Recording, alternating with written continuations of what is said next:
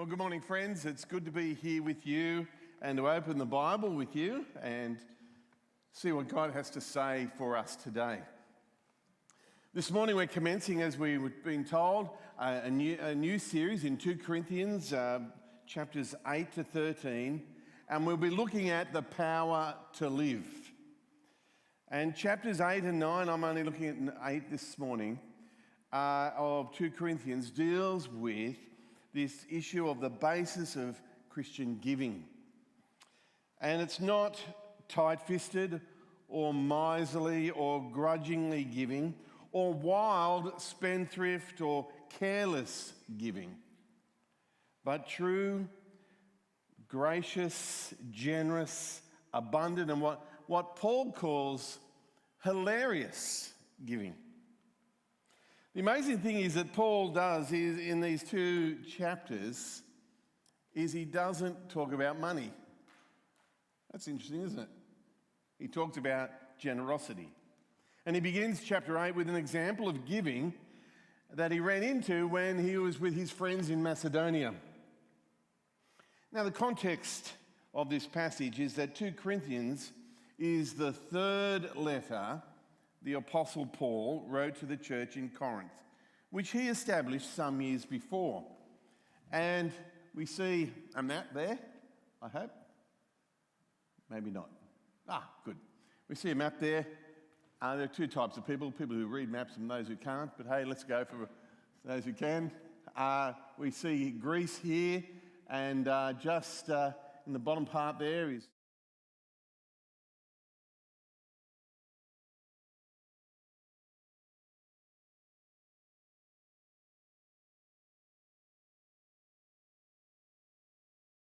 quite a, a poor area.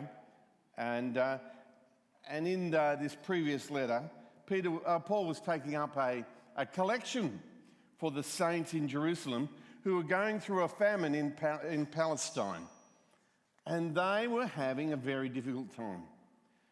So just before um, he comes to get their generous gift, to help the saints in Jerusalem, he asked them that they be prepared for when he comes, that they'll be able to give a worthy gift that reflects God's goodness and generosity to them. The other churches uh, that were in Macedonia, we can see Thessalonica there, uh, that they were uh, able to contribute enormously. And they, uh, they were fi- a financially poor community who gave out of their poverty an enormous amount because they were grateful to God and they were moved to freely give of themselves and financially. A life, a godly life of loving and generous and gratitude. But the front part of this chapter deals with giving, and um, well, this chapter 8, just sort of as a lead up to it, actually, uh, Reverend John French is going to actually speak specifically on uh, what does giving look like next week in chapter 9. But it's probably helpful to understand uh, a summary of giving uh, in a previous chapter. And Paul comes up with four things Four things about giving purposeful, periodic,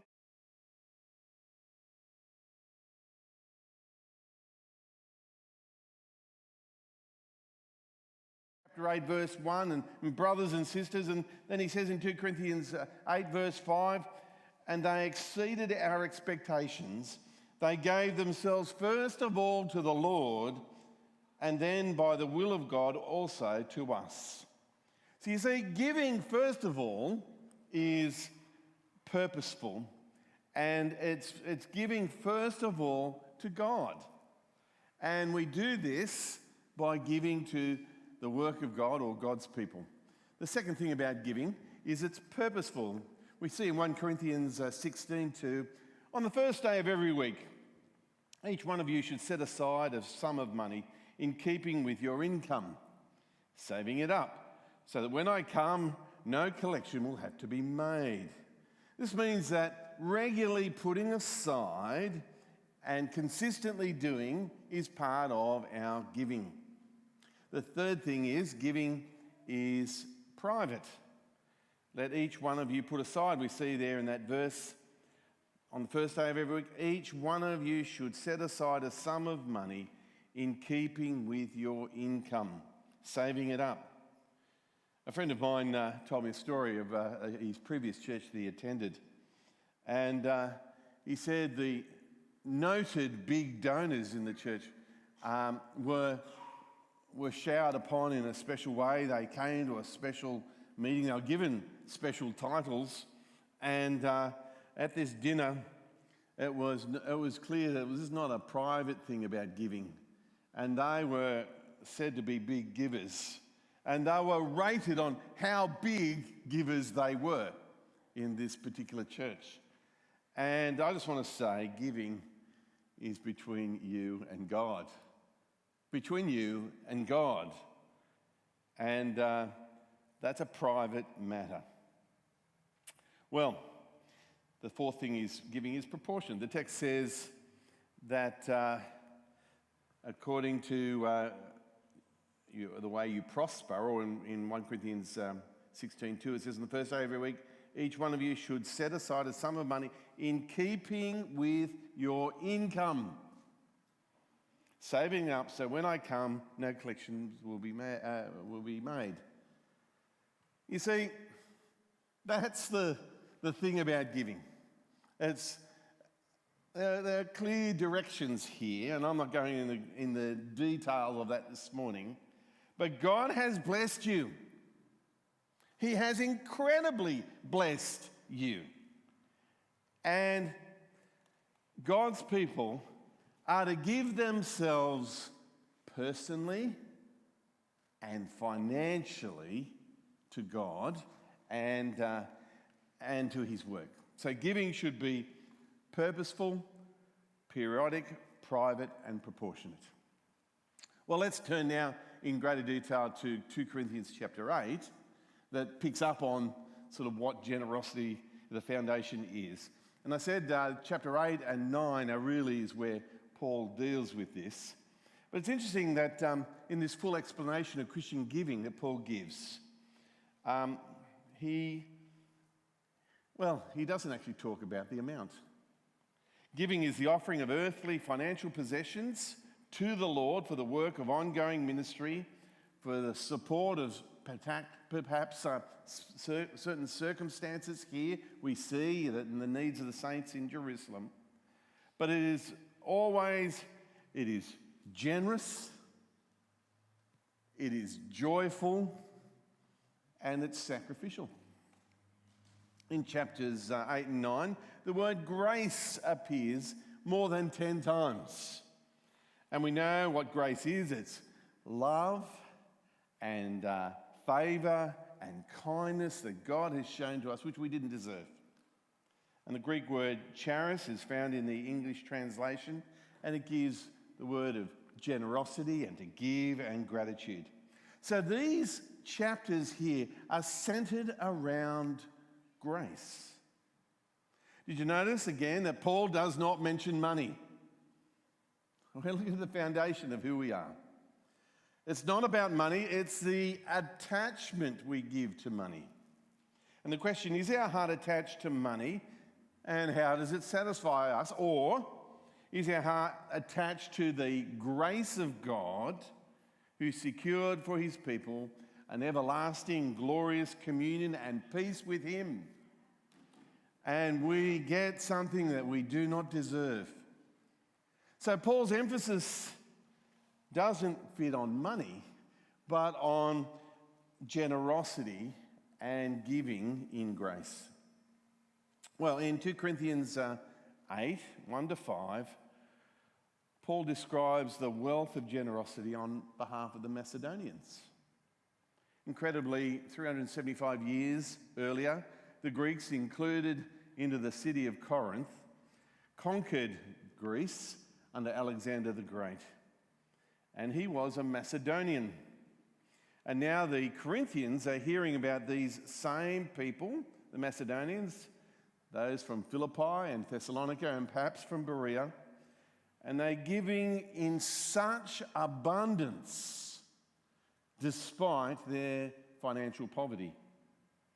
Paul is using the Macedonians as an example, and it's a really helpful example for us, I think, when he tells the Corinthians that they must give themselves to the Lord generously. So, and this is seen by supporting the saints in Jerusalem. And he wants the, the Thessalonians to, not the, the Corinthians to see the Macedonians and see, ah, that's what it's all about. And Paul's logic can be explained this way give, your, give yourself abundantly to our gracious Lord, so freely, giving generously to the Lord's people, just like the Macedonian brethren did. He's not guilting them, but he's describing how the Macedonians were, were taking part in the work of God. And here's the application that we can draw from these first five verses. Giving, giving is an act of grace, which allows us to take part in God's work. And so in uh, 1 Corinthians 8, verse 1, uh, 2 Corinthians 8, verse 1, we read, And now, brothers and sisters, we want you to know about the grace that God has given the Macedonian churches. Not the abundance of wealth, but the saving grace, the continued grace of God given to them and to us here today is huge. And the result of our appreciation of the abundant blessing and provision of God, we freely and, and generously give to the work of God, in particular, the body of Christ. And so we read in verse 2 In the midst of a severe trial, their overflowing joy and extreme poverty welled up in rich generosity. For I testify they gave as much as they were able and even beyond their ability. Paul doesn't tell the Corinthians how much they must give. Mind you, they're loaded. But he doesn't go down that pathway. And nor should any pastor tell you how much you should give. That's between you and God, we, we remember. And he says in verse 3 that they gave, the, the Macedonians gave on their own accord. And they chose to, to give as much as they were able. And they were not, and they were not compelled, and nor were the Corinthians compelled, but they just did it out of a heart of gratitude they gave. They didn't give in order to get back. And some people might want people to understand. They didn't give out of guilt. They didn't give because the, the televangelist said that they would become wealthy in doing so. They gave, we hear, of their own accord. Look in verse 4. Entirely on their own, they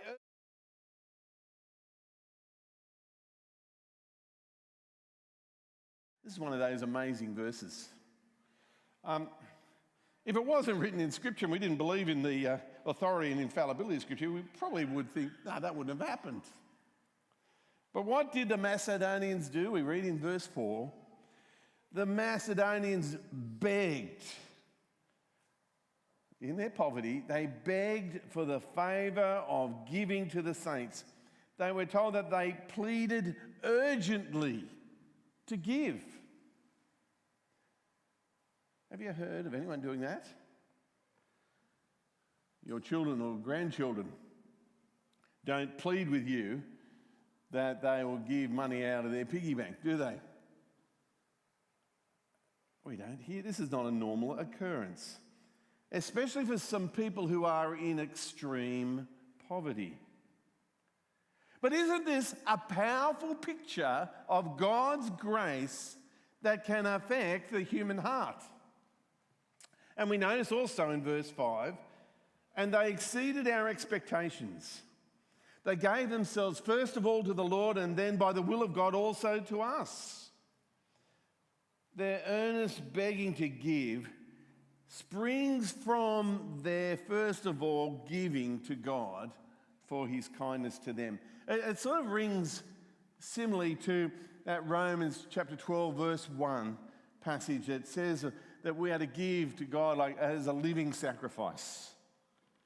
In Matthew 6, in the Sermon on the Mount, Jesus says, Do not worry, saying, What shall we eat? What shall we drink? Or what shall we wear? For the pagans run after these things, and your, your heavenly Father knows that you need them. But seek first the kingdom and his righteousness, and all these things will be given to you as well. It is God's will for those churches in Macedonia to overflow in the wealth of generosity. But the, first of all, they had been drinking from the living well of Jesus. So for us, go to the well and then give as an act of grace. And Paul is commending the Macedonians to the Corinthians as an example to do that. And Paul says in verse 8 that he wants his friends in Corinth to also excel in faith and speech and knowledge, but also in the act of grace, in the grace of giving. It is God's will for everyone who has been written their name in the Lamb's book of life. Everyone, every one of his family, to excel in this act of grace and the grace of giving. Everyone, all God's people. And it's God's will for everyone that will overflow in this wealth of generosity, just like the Macedonians. And if we thought the Macedonians were a good example, and they were, Paul then goes on and talks about Jesus' example in verse 9. He says, For you know the grace of our Lord Jesus Christ, that though he was rich, yet for your sake he became poor, so that you, through his poverty, might become rich. this is such a rich text, isn't it? The pun is definitely intended here. It's beautiful, it's poetic, poetic it's, it's exalting Jesus. So let's look at this uh, verse in three parts. That is, Christ is rich, he became poor, and we've become rich on account that he became poor for us. So, what does it mean that Christ is rich? Well, it means that the Lord Jesus is eternal, He's uncreated, and unceasingly emanates glory. It means that Jesus Christ is God. it means that Jesus Christ is the Lord of glory. And this self existent second person of the, of the Trinity became poor for us. What does it mean for Christ to become poor? As God, uh, He became poor for us, and that's, a, that's mind blowing, really. He lived a, a humble and uh, a poor life, really. He was suffered, he was misunderstood, and he died for us. And Philippians chapter 2 speaks about how Jesus emptied himself and submitted to death for us on the cross. And this is what it means for Jesus to become poor by taking on a human nature for our sake. And that's just the beginning of our understanding of how he, how he became poor. And this is what it means for believers to be rich on account of Christ becoming poor for us. And Paul puts this uh, a few chapters earlier in 2 Corinthians 5.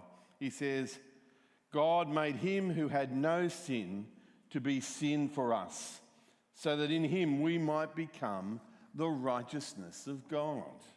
So, friends, meditate on what Christ has accomplished for you, how Christ has made you rich. The infinite, eternal, unchangeable, all wise, powerful, holy, just, and good God has in person come into this world and his body was broken and his blood was shed for your sake and mine. For your sake, the text reads. Friends, we are so, so rich in Christ. We are. The peace of Christ rules in our hearts. The power of Christ makes us perfect in, in our weaknesses, and, and the life of Christ is made manifest in us. The phrase in Christ is used over 150 times in the New Testament, uh, in particular in Paul's epistles. And friends, you and I are rich in Christ. And Paul inserts this magnificent verse to encourage the Corinthians to look to Christ before they look at their wallet or their bank balance. So, a life of grace and generosity is to remember how Christ gave. This is the motive and inspiration for life and for giving. Their giving and our giving should be selfless, sacrificial, under no compulsion, and driven by grace. For this is how Christ first gave to us. So give, church, because God's of grace to you, give as an act of grace. And I just want to thank you as I look around. Uh, I know many of you pretty well in your life. And I just know that so many of you have been so generous with your life and your finances and supporting the work and ministry and vision of this church. And you guys are an inspiration. And you, you are making a real difference. And, and what we're planning to do here is just so wonderful and special under God and what we're doing. I just want to say to you keep going, keep going. This is worth it. And for your sake and for the sake of God's work here at Life Anglican Church, keep going. I will ask something for you to prayerfully consider. Uh, we uh, are behind in our budget of $10,000 this year, and this is limiting what we've prayerfully planned to do this year.